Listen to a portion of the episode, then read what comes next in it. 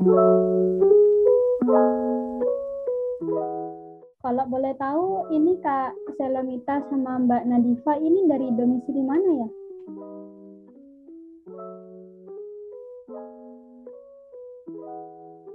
Uh, dari apa, Dek? Bisa diulang lagi? Domisilinya dari mana ya? Oh, domisili.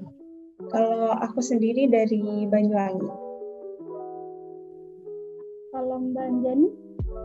Kalau aku dari jauh, dari Karawang, Jawa Barat. Wow, gimana tuh? Lumayan jauh ya, Jawa Barat. Kok sampai alasannya kenapa kok bisa sampai ke Universitas Jember kalau boleh tahu Mbak Anjani? Oke, untuk kenapa milih di UNED? Karena di sini ada saudaraku. Alasannya sesimpel itu. Dan aku lebih nyaman di Jawa Timur daripada di Jawa Barat gitu. Jadi kalau kalau Jember ini kan kayak vibe-nya desa-desa gitu ya. Jadi aku suka di sini gitu. Awalnya karena suka daerahnya sih. Kebetulan ada FKM juga di UNED jadi ya udah. Jadi FKM itu pilihan pertamanya Kak Anjani iya betul. Kalau boleh tahu uh, dari Kak Anjani nih tantangan kuliah offline di Jember itu apa aja sih yang dialami selama ini?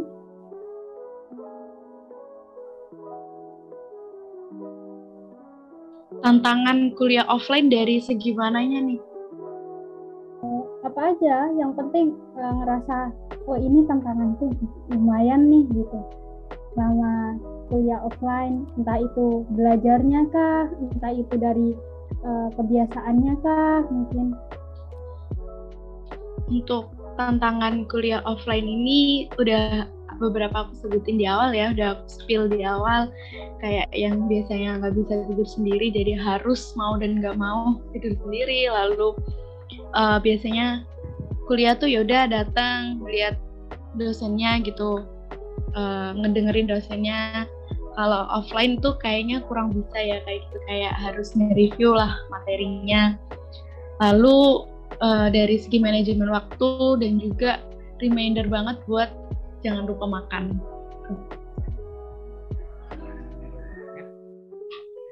Kalau dari Nadifa, tantangannya apa aja nih apa yang di Uh, kalau dari aku sendiri ya, kalau misalkan tantangan kuliah offline itu mungkin ini sih uh, datang tepat waktu, apalagi kalau kuliahnya pagi. Terus kalau tantangan kuliah di Jember, uh, apa ya? Kalau aku sendiri sih uh, kurang ada apa ya kayak tantangan yang uh, apa sih yang kayak kayaknya aku nggak bisa gitu itu enggak karena Jember sama Banyuwangi sendiri kan emang deket gitu ya cuman beda 2 sampai tiga jam gitu mungkin ya aku ngerasa nggak apa ya kayak nggak berat-berat banget gitu mungkin lebih tantangannya lebih ke perkuliahannya bukan uh, ke daerahnya gitu kalau dari aku sih gitu.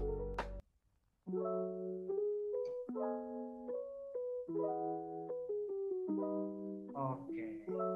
Oh ini uh, dari Kak Anjani sendiri kan nih ya dari Jawa Baratnya kak. Nah apa nih kak yang buat Kak Anjani?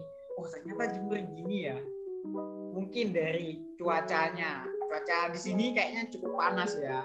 Aku ngerasain sendiri nih terus mungkin dari apa ya harga makanan mungkin yang agak beda sama daerah lainnya gimana nih ya nah ini ya pertanyaan yang menarik banget buat aku ya kalau Kak Agus bilang dari mana sebelumnya aku dari mana domisilinya Iya. Yeah. Dari Bondowoso, dekat dari Jember.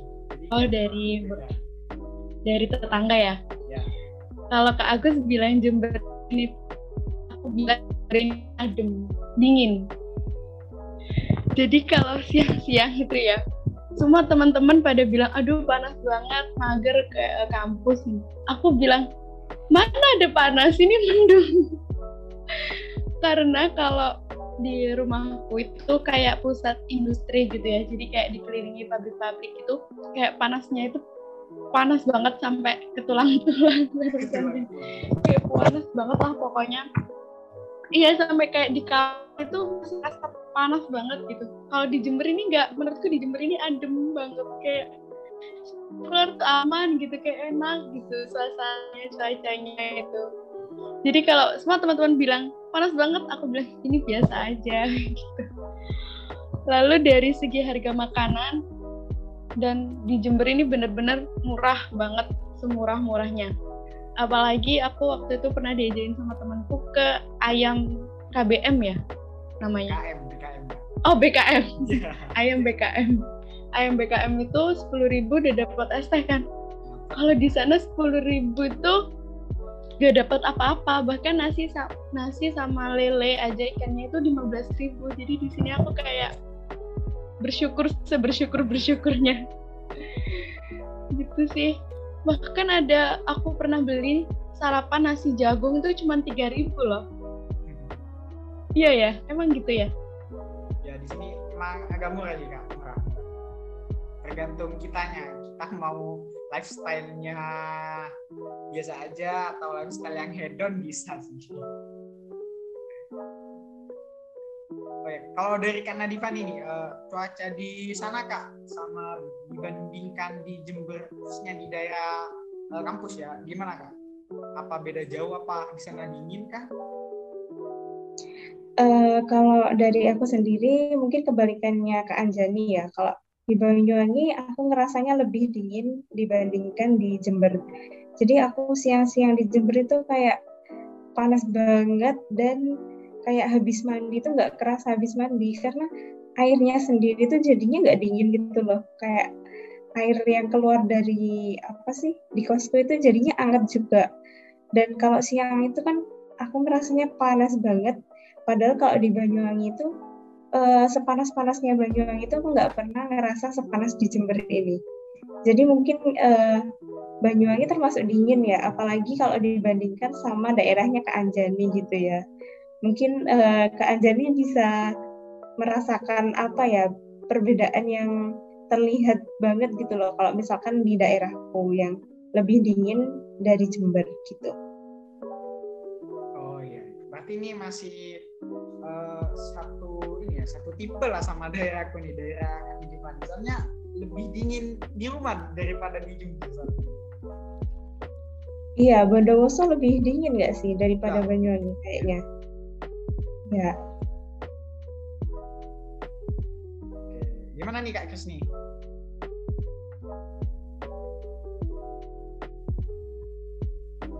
Wow, ternyata ada banyak banget perbedaan ya yang dirasain melalui cuaca setiap daerah tuh beda-beda banget gitu.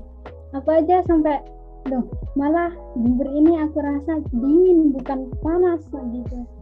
Apalagi aku tinggal di dekat pantai gitu lumayan lumayan dekat dengan pesisir gitu jadinya ngerasa Jember ini lumayan lebih adem daripada di kota aku sendiri di situ Bondo gitu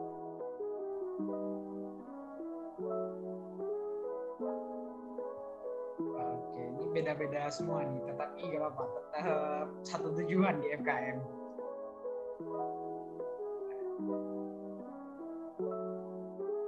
Oke nih, uh, ini kak, kan sudah ngerasain offline uh, beberapa pertemuan kan sudah ya? Ada beberapa kan? Nah kalau disuruh ini deh membandingkan pilih offline atau tetap kekeh online aja deh dulu gimana nih dari Kak Anjani nih dari yang jauh dulu Aduh, ini pilihan yang sangat sulit. Karena dua-duanya tuh sebenarnya ada plus minusnya masing-masing ya. Kalau offline itu ngerasa lebih semangat, lebih ngefeel gitu. Lebih apa? Excited gitu benar kata Kak Nadifani tadi. Kalau online itu bawaannya males, gini gini gitu. Mungkin kita ambil jalan tengahnya ya kalau bisa memilih itu kuliahnya offline, ujiannya online, bukan begitu? Keinginan seluruh mahasiswa. Kalau Kak Nadifa ini gimana nih? Uh, kalau dari aku sendiri iya sih benar ada plus minusnya masing-masing kuliah offline sama online. Tapi kalau uh, disuruh milih, aku lebih milih kuliah offline karena lebih seru. Apalagi kan aku semester 4 ini mulai ini ya banyak praktikum. Nah itu praktikum itu termasuk seru sih kalau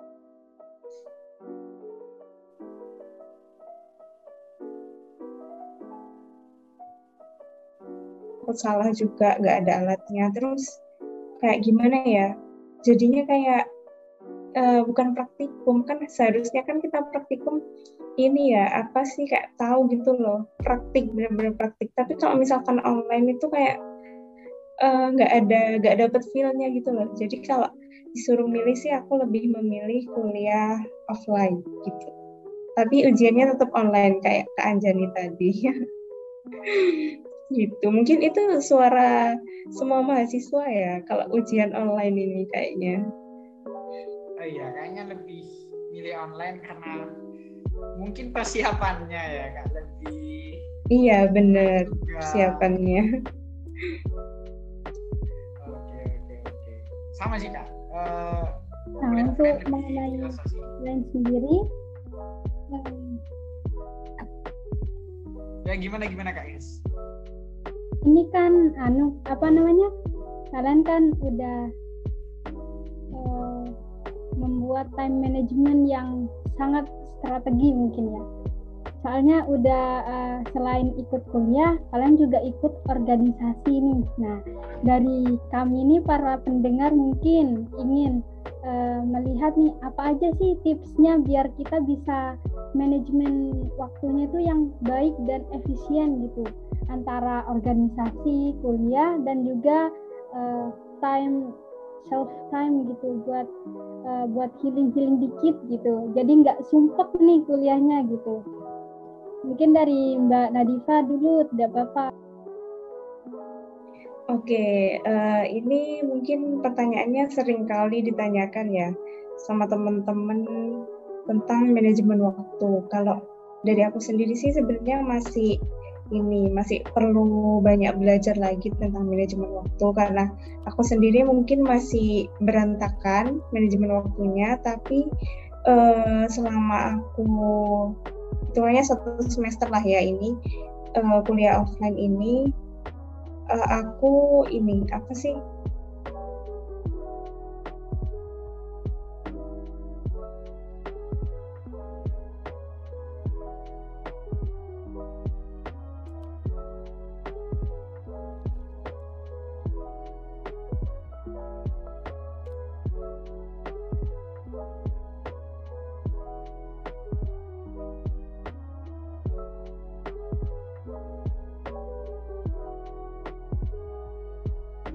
kalau misalkan kalian mau istirahat dulu. Soalnya kalau misalkan kalian memaksakan itu malah jadinya nggak maksimal gitu. Misalkan kayak ngerjakan tugas ya, kalian capek tapi kalian harus ngerjakan tugas. Kalau aku, aku lebih memilih istirahat dulu sampai aku siap buat ngerjain tugas itu tadi. Terus kalau misalkan uh, manajemen waktu tentang Ormawa, UKM, sama perkuliahan itu uh, karena kita di sini tujuannya kuliah ya. Jadi ya sebisa mungkin utamakan kuliah, tugas dan lain-lain. Setelah itu baru uh, kegiatan UKM ataupun ormawa gitu. Kalau dari aku sih gitu. Mungkin dari Kak Anjani ada tips atau cara manajemen waktu yang lebih baik gitu. Oke, terima kasih Kak Nadifani mungkin kurang lebih yang disampaikan karena Divani ini benar banget. Uh, untuk tips dari aku sendiri itu karena aku orangnya pelupa, itu setiap hari aku selalu membuat kayak tiga dari sticky note. Gak setiap hari sih, setiap minggu tiga sticky note. Jadi aku tempelin di dekat meja belajar sini. Itu yang pertama list tugas, uh, pokoknya yang akademik lah apa gitu ya. Lalu yang kedua ini uh, list ormawa jadi misal nih aku jadi panitia um, Semarak Sinvesta nih. Nah hari ini nih aku harus menyusun rundown. Jadi aku nanti aku tulis menyusun rundown Sinvesta gitu. Dead deadline-nya kapan dalam kurung. Lalu yang list ketiga itu aku nulis makan pagi, makan siang, cuci baju, bersihin kamar. Kalau nggak gitu beli garam gitu, biar nggak lupa gitu. Lalu uh, kalau udah itu jadi aku bedain tiga. Nanti prioritasnya benar-benar aku lihat yang uh, bagian kuliah dulu gitu. Lalu untuk bener kata Kak Fani, kalau capek istirahat, jangan dipaksain, nanti hasilnya nggak maksimal. Untuk aku pribadi, itu aku selalu me time di hari Sabtu. Jadi kalau hari Sabtu itu aku gak mau ngerjain tugas, gak mau mikirin apa-apa. Kayak hari Sabtu itu waktunya aku me time, ngelakuin hal yang aku suka. Entah main, entah nonton film, entah ngapain, ngapain. Pokoknya hari Sabtu itu full aku malas-malasan kecuali kalau ada kegiatan Ormawa gitu ya. Kalau ada kegiatan Ormawa sampai jam 12 berarti aku me time-nya jam 1 sampai besok minggu jam 12 siang. Kalau ada kelas pengganti sampai jam 10 gitu berarti aku me time-nya besok sampai besok minggu jam 10 gitu. Karena me time itu bagiku benar-benar penting banget buat ngembaliin mood, buat ngembaliin semangat. Jadi kita nggak nggak suntuk gitu loh. Jadi kayak pikiran tuh lebih fresh gitu lebih terbuka nanti dapat ide-ide baru gitu sih. Jangan lupa me time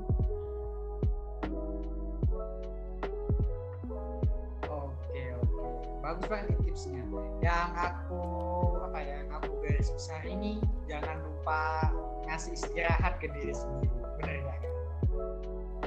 Iya karena ngasih istirahat itu apa ya ngecas energi banget sih karena kuliah ini kan cukup banyak yang masih energi. Jadi kalau kita istirahat ngasih waktu ke diri kita sendiri bisa ngembaliin mood sama yang Kak Anjani bilang benar oke kak uh, karena semua yang ingin kita tanyakan sudah ditanyakan dan sudah dijawab juga kami ucapkan terima kasih kepada Kak Anjani dan juga Kak Nani yang sudah meluangkan waktunya untuk berbagi pengalamannya di Podpesta, Podcast Investa episode ke-10 ini. Uh, dari kami, apabila ada salah, mohon maaf ya Kak. Untuk para pendengar Podpesta, uh, sampai jumpa kembali di Pesta episode selanjutnya. Saya uh, Agus Adianto dan teman saya Sniawati. Oke, kami pamit undur diri dan sampai jumpa di episode selanjutnya. Dan terima kasih. Terima kasih sudah diundang. Terima kasih juga atas waktunya Mbak Anjani dan Mbak Nadifa. Sukses selalu.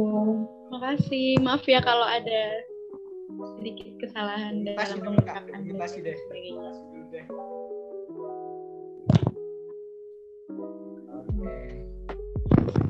Thumbnail, thumbnail. Satu.